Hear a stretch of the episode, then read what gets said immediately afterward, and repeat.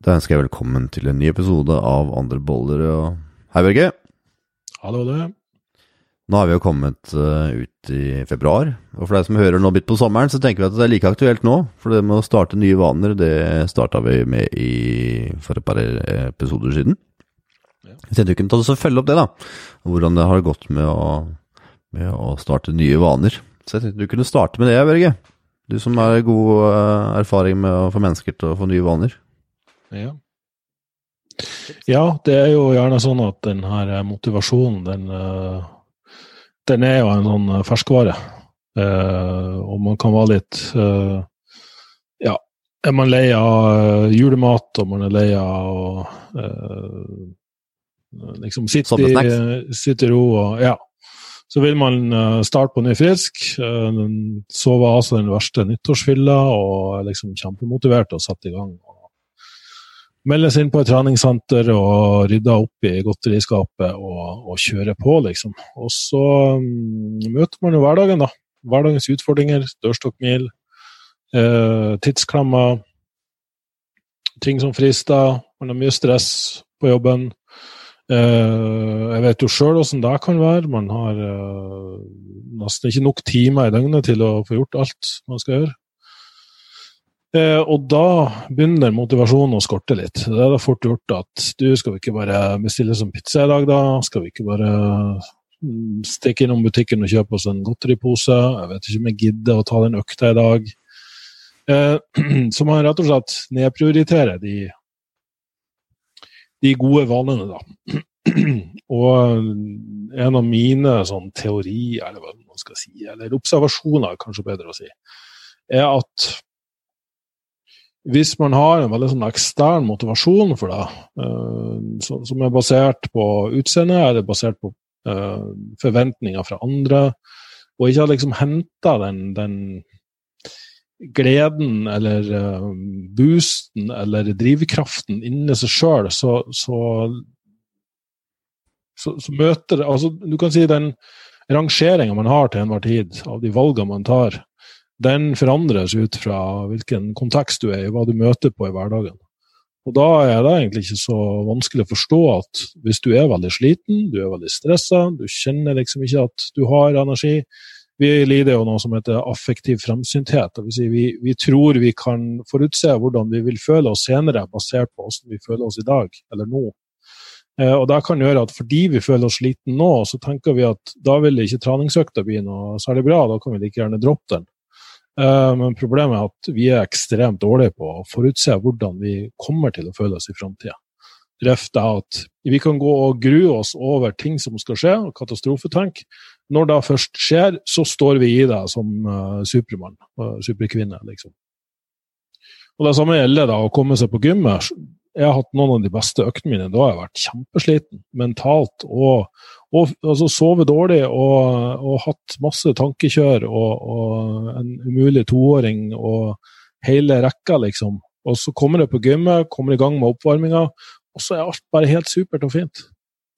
Så, så, så da må faktisk innarbeide i vanene, innarbeide i rutinene, ha en fast plan på ferdig innhandla mat, hva du skal lage, en, til og med planlegge menyen din litt. Og de som gjennomfører best, er de som ikke trenger den voldsomme variasjonen hver eneste dag. At du må ha en mandagsmiddag, tirsdagsmiddag, onsdagsmiddag osv. Det går rundt mange av de samme ingrediensene, og jeg vet for folk flest høres det her helt horribelt ut, fordi vi blir jo hele tida eh, jeg vil jo si lurt å tro at vi må ha så voldsomt mye variasjon. Det må liksom være nye smaker og, og smaksopplevelser hver eneste gang. Men problemet er de som alltid søker variasjon, er også de som alltid faller fra når man skal innarbeide nye vaner og rutiner. Kan vi snakke litt om det med indre motivasjon, Børge? For det er veldig mange som eh, har litt utfordringer med å finne den. Mange syns det er vanskelig med å skulle finne indre motivasjon til ting. De kan få, ha fått en rutine med at det går på trening og sånn, så er det innarbeida over år, og det fungerer veldig greit. Når det kommer til andre ting i livet, da, så er det veldig vanskelig med å finne en sånn indre motivasjon til noe. Ja. Og som vi vet, det er at når man uh, finner noe som man selv brenner for, altså man syns er viktig, eksempelvis, uh, så er det noe med at da får man jo et passion for noe. Og jeg tror det at, uh, fra min erfaring i alle fall, så tror jeg vi personlighetsmessig er forskjellige. noen har bare mer driv og fokus enn det andre har. Fra mitt perspektiv i alle fall. Så er det sånn at eh, skal man bli god på noe, sånn som du er, Børge, på, på det du har gjort og fortsatt gjør, Mm. så er det, må man være laserfokusert over tid og synes det er veldig interessant, og man må fordype seg i det. Ja. Og når man etter hvert da begynner å lære flere ting, så synes man det er mer interessant, nysgjerrigheten vekkes, variasjon, og så får mestring så er ballen i gang. Og så er det ikke alle mennesker som kanskje er like predisponert for det her, da. De synes kanskje litt interessant der, synes litt interessant der, så får de ikke helt til, og så er det kanskje litt negativ i tillegg. Og når man er negativ, som man vet, så får man ikke så mestring heller, da. For man kommer liksom aldri så langt at man får mestring til det. Så jeg tenker at det, der jeg ser at mange har utfordringer, der de kanskje er litt så negative til ting. De tenker sånn åh, nei, får det ikke til likevel, jeg gidder ikke, så gidder ikke å starte med det. Det her er ikke noe for meg.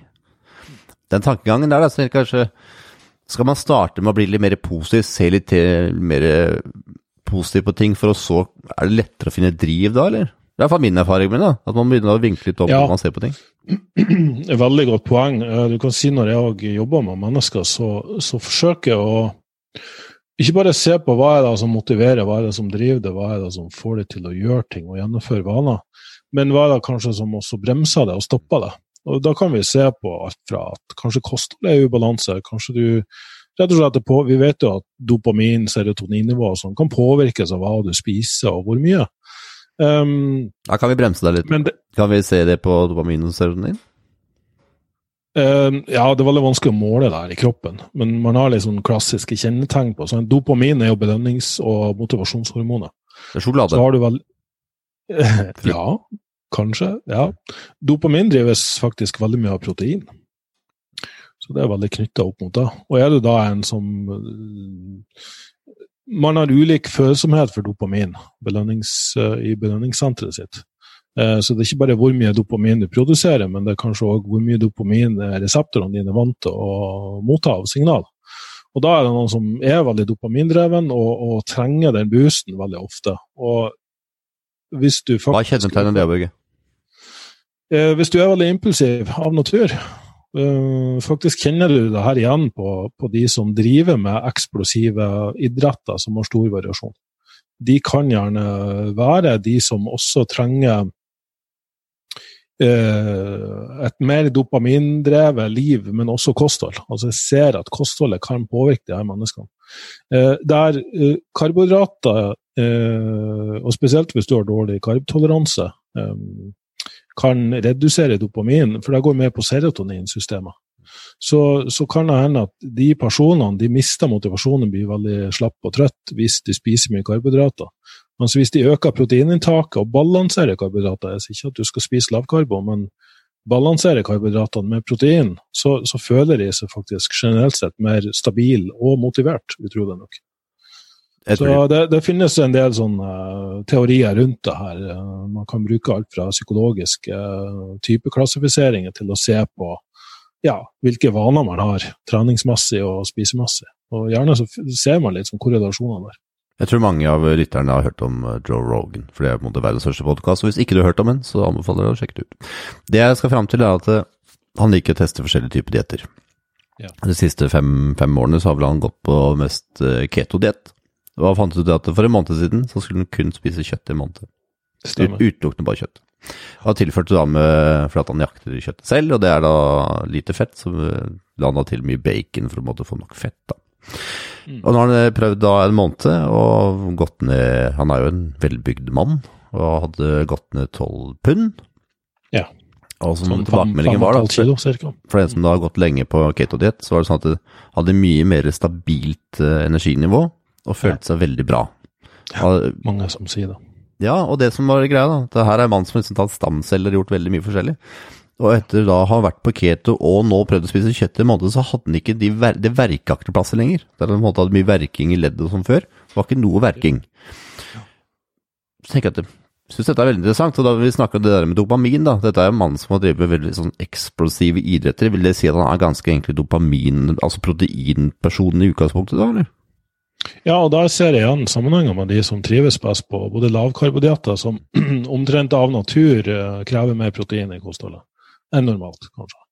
Um, men ofte da fravær eller reduksjon av karbohydrater, og kanskje i dette tilfellet da at noen har en ekstra sensitivitet for de mikroskopiske dosene med gift som faktisk befinner seg i korn og planter, og i mye mindre grad i frukter.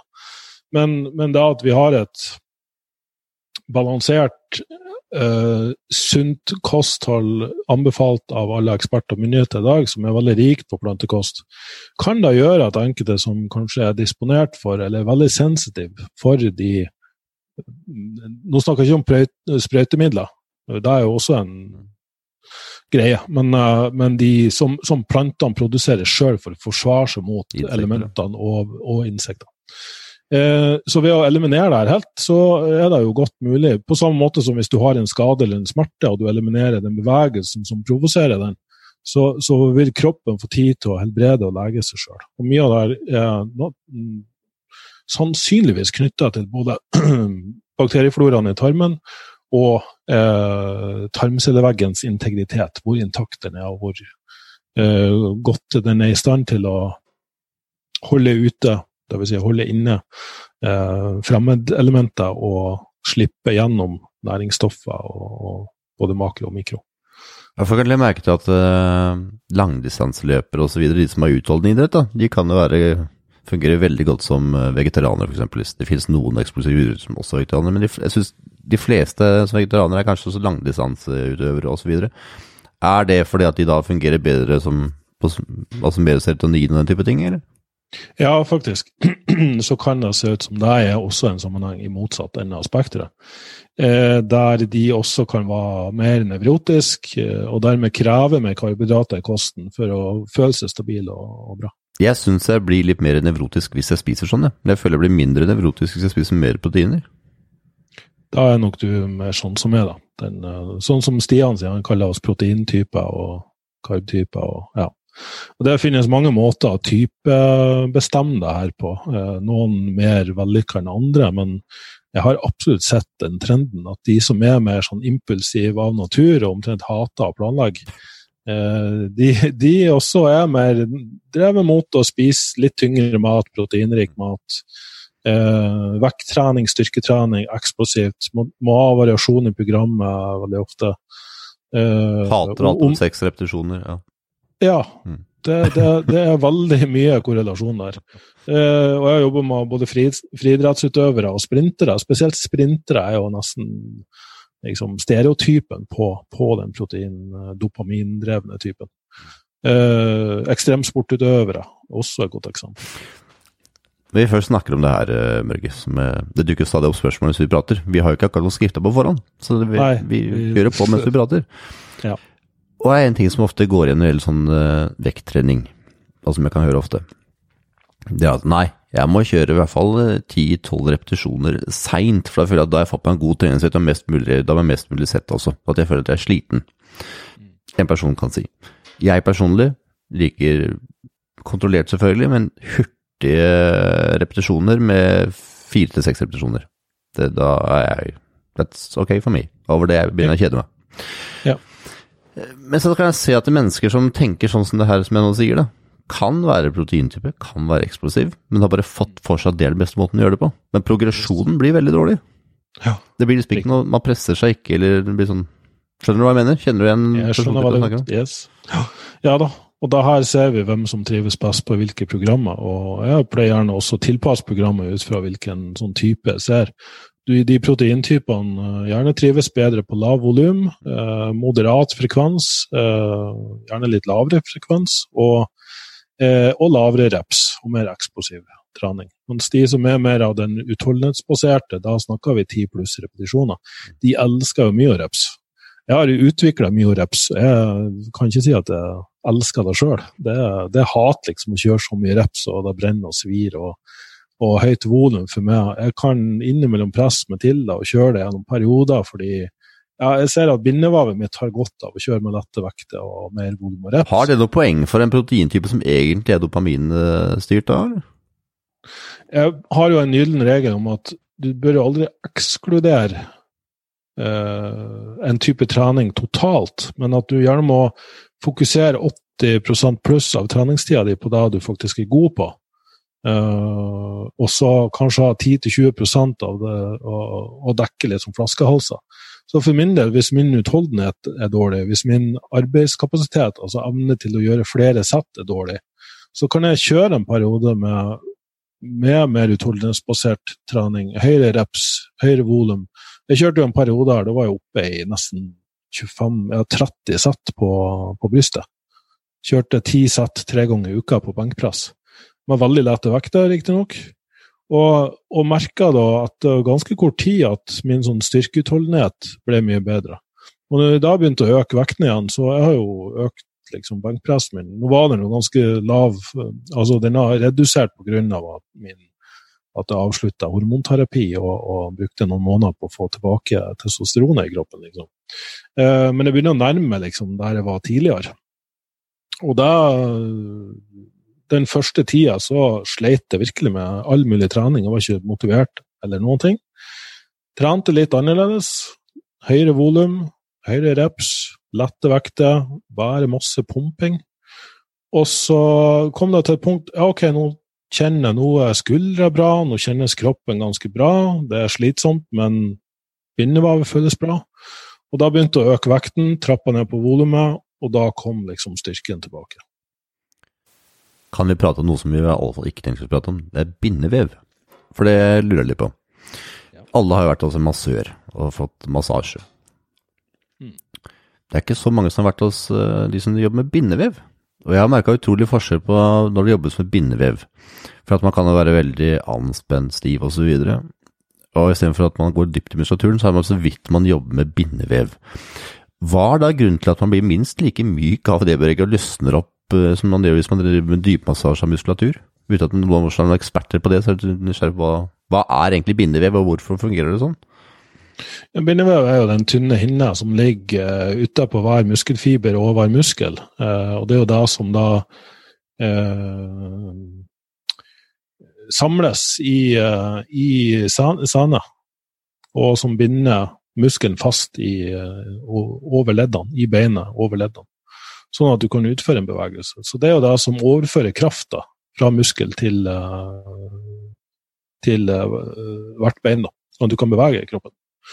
Eh, og den såkalte fascien, da, som den heter, den er jo ensarta gjennom hele kroppen. Fra baksiden av hodet og hele veien ned under fotsålene dine, og på sånn måte foran. Så det henger liksom sammen som et sånt nett, som et vev. Eh, så det er faktisk vist at du kan ja, du kan manipulere hoftebøyeren din og oppleve at nakken din slipper taket, liksom. Altså, ting henger såpass sammen at hvorvidt det her er nevrologisk, for da kan vi ikke ekskludere. Da må du, du, bare det å bli tatt på gjør jo at kroppen slapper mer av og frigjør endorfiner og, og lykkehormoner, liksom. Um, og hvorvidt for bindevev er jo tøft, det er jo sterkt som pokkeren. Da tåler jo flere tonn med, med strekk, liksom. Uh, så, så, hvorvidt det er en sånn manuell um, manipulering av bindevevet, der si at du står og mørner en biff, da, bare står og gnir på en biff, det skal i utgangspunktet ikke føre til en sånn mekanisk endring i vevet, i den forstand. Da må du jo inn med en sånn hammer og slå på en biff for å liksom klare å gjøre den virkelig myk. Det hjelper ikke bare å stå og massere den så veldig mye.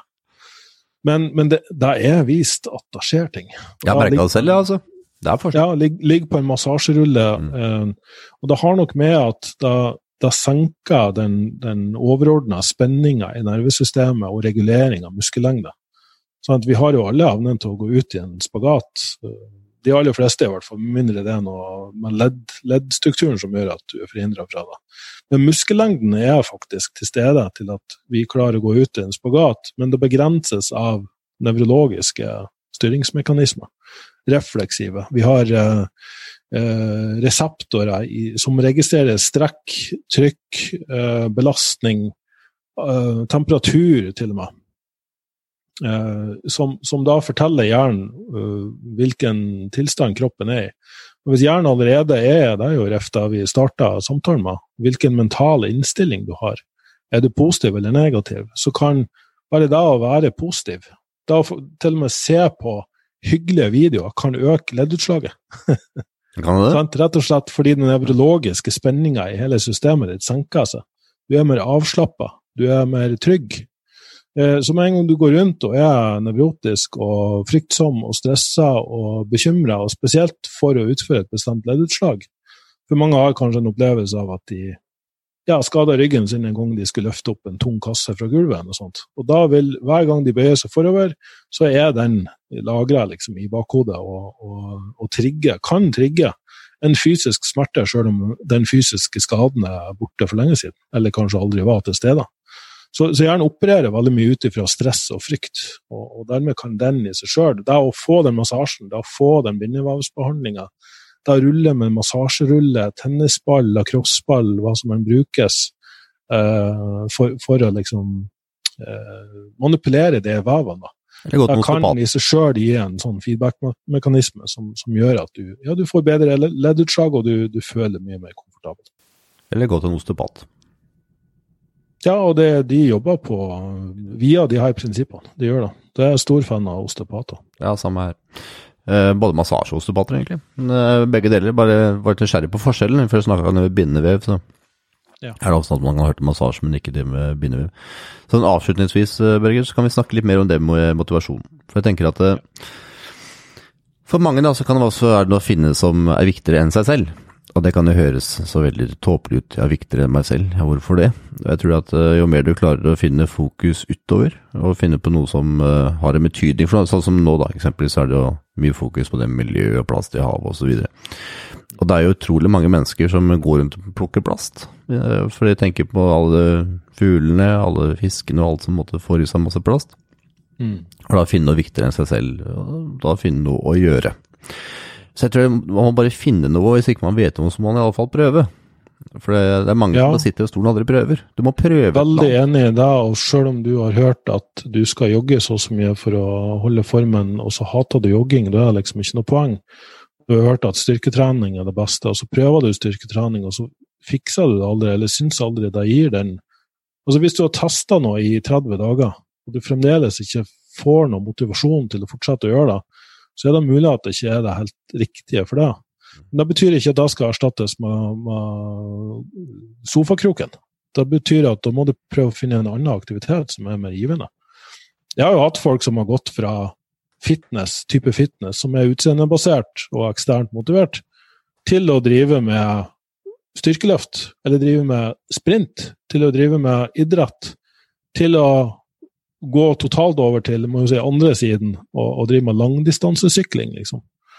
Så, så da må å finne den aktiviteten som, som, uh, som gir den, som gir den en endorfinrusen. Og minne seg sjøl på at ok, men du må i hvert fall holde ut det her i en del uker før at det begynner å uh, virke på kroppen, sånn at den um, klarer å identifisere hvorvidt det her er noe du, du faktisk uh, får et positivt utbytte av og gidder å holde på med uh, videre, eller om det er på tide å prøve noe annet. Dette resultatet altså avslutte med å lese noe, jeg, Børge. Ja, gjerne det. Det her er fra Mercus eh, Aurelius til meg. Ja. Mm. Om morgenen når du våkner, ha dette for øye. Jeg våkner til menneskets oppgave har jeg fremdeles motvilje mot å gå til det arbeidet for hvis skyld jeg har blitt til, det jeg kom inn i verden for å utføre. Er jeg kanskje skapt til å ligge i dynene og ha det varmt og godt? Men det er så behagelig. Er du kommet til verden for å ha det behagelig, i det hele tatt passivt og nyte tilværelsen, eller er du kommet for å handle? Ser du ikke plantene, fuglene, mauren, edderkoppene, biene drive med sitt og utføre sin oppgave i naturens husholdning? Og så vil ikke du gjøre menneskets arbeide. Skynder du deg ikke å utføre det naturen krever av deg, man må jo hvile også. Hvile er nødvendig, jeg nekter ikke det, men naturen har hatt grenser for den. Naturen har også satt grenser for spising og drikking. Likevel gjør du det til et overmål. Du fortsetter når sult og tørst er tilfredsstillet. Men når det gjelder arbeidet, er det ikke så. Da holder du deg under grensen fordi du kan yte. Mm. Poenget med denne her, da, det er at den er skrevet for veldig lenge siden. Og tydeligvis den gangen der også, så var man veldig opptatt med å hvile og slappe av osv. Og, og som han sier, at naturen har satt grenser for overspising, den òg. Mm. Jeg tenker det er det samme innsats, da. Vi er veldig flinke til å sette oss ved, ved TV-en. Altså må jeg beklage andpustheten i lesinga, for jeg løp for å hente boka før jeg leste den. Eh, jeg håper du som hørte på fikk noe nytt av den likevel. Ja. Vi er veldig flinke til å sitte ved sofakroken, og hvis ikke vi skal trene og gjøre noe fornuftig, nei, da sitter vi ved sofaen. Mm. Og jeg kjenner når jeg hører den der sitte ved TV-en og ser på tulleting, som jeg kaller det. Mm. Mm. Jeg ser svært sjelden på TV. Det er bare for at jeg har driv å gjøre noe annet. Jeg tror du er samme, Børge. Vi ser lite på TV, for vi har alltid noe å gjøre. Og når jeg leste akkurat det kapitlet der, så fikk meg til å reflektere enda mer. For det er ikke sånn at vi skal være på jobb, gjøre en ting, og så når vi er ferdig på jobb, så skal vi sitte og se på TV. Ikke sant? Vi har en innstilling om at når jeg har gjort det her, så er jeg ferdig. Og med det så mener jeg Hvis du har vært på jobb og du har gjort en innsats, så tenker du at åh, det er deilig å være ferdig med det her. Og så tenker du åh, nå skal jeg ikke gjøre noe særlig mer.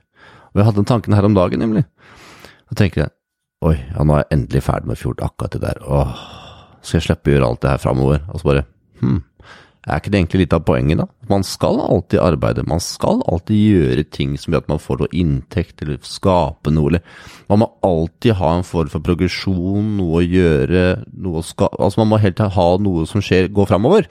Et prosjekt av noe slag. Ja. Ikke sant? For hvis det stopper opp, så går det bakover, og det går jo ikke. Ja. Så det må jo måtte gå framover, og noe må skje, da. Sånn som du skaper nå veldig mye artikler, Børge. For deg som følger med på nyhetsbrevet til My Revolution, så kommer det veldig mye artikler. Mm. Så du gjør jo alltid noe som går framover. Det stopper jo Ja. aldri opp. Og vi mennesker er jo sånn. Vi er jo vi er Vi er vi gjør jo alltid noe framover. Og jeg tror at vi mister mye av den intensiteten, passionen, hvis du kaller det det. da. Hvis Mm. du sitter mye stille ved TV, så er det sånn Du stimulerer deg selv med alle inntrykkene, men du gjør jo ingenting som gir deg en god følelse. Mm, nettopp. Nei, det er utrolig mye som uh, kanskje også går tapt i at vi slutter å utvikle oss i en eller annen retning. Vi går på gymmet og gjennomfører økta, men vi har ikke noe progresjon. Vi spiser det samme, men vi har ikke forsøkt å variere matinntaket, f.eks.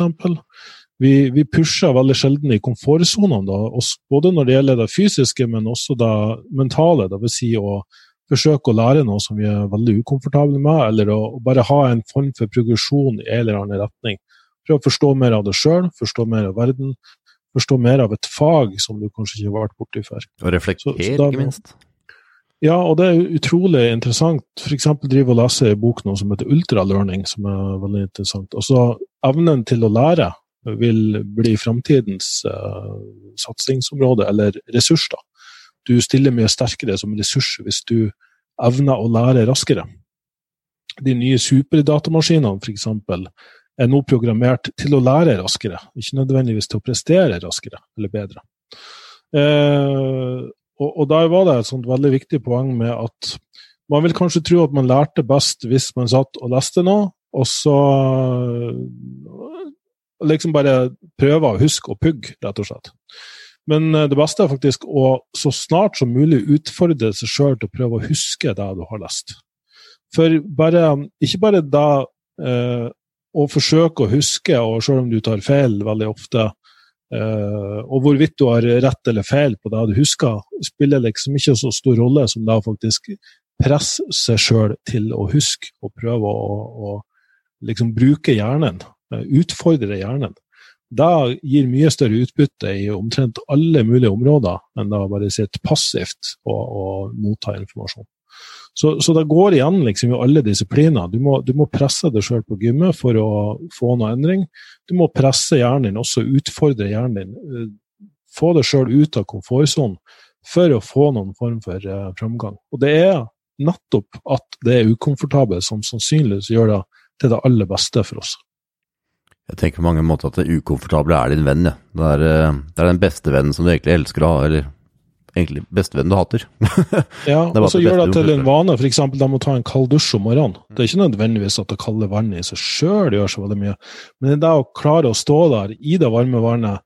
Du har nettopp gnidd søvn ut av øynene, du kanskje har ikke sovet spesielt godt, og klarer å vri den bryteren over på kaldt vann. Mm. Der, der ligger utfordringa, men det å starte dagen med å utfordre seg sjøl, det er mange helsefordeler med, med den kalde dusjen. og jeg har sjøl, må jeg innrømme, tatt pauser fra den, men, men jeg vet hvor forfriska jeg føler meg når jeg har Det er deilig. Ja, det, det er veldig deilig. Så jeg tror sånn avslutningsvis, Børge, så skal vi følge opp neste episode med å snakke litt om å trene seg til tilstandsendring. Mm. For det er mye det vi snakker om egentlig nå, komme tilbake til det med å kunne skifte tilstand, da, med å høre på musikk eller gjøre andre typer ting. Det kan vi ta i neste episode. Det kommer Så for deg som uh, har noen tips til uh, temaer vi skal ta opp, så kan du sende den til podcast at myrevolution.no. Og så legg gjerne en femstjerners på iTunes. Da. Vi vet det er utrolig mange av dere som hører, og vi blir kjempeglade om dere kan gi oss noen femstjerners på iTunes. Da kommer vi høyere opp på lista, og det hjelper veldig, for da får det flere lyttere til. Det hadde vært hyggelig. Tusen, tusen takk for deg som hører på, og ha det bra. Ha det bra.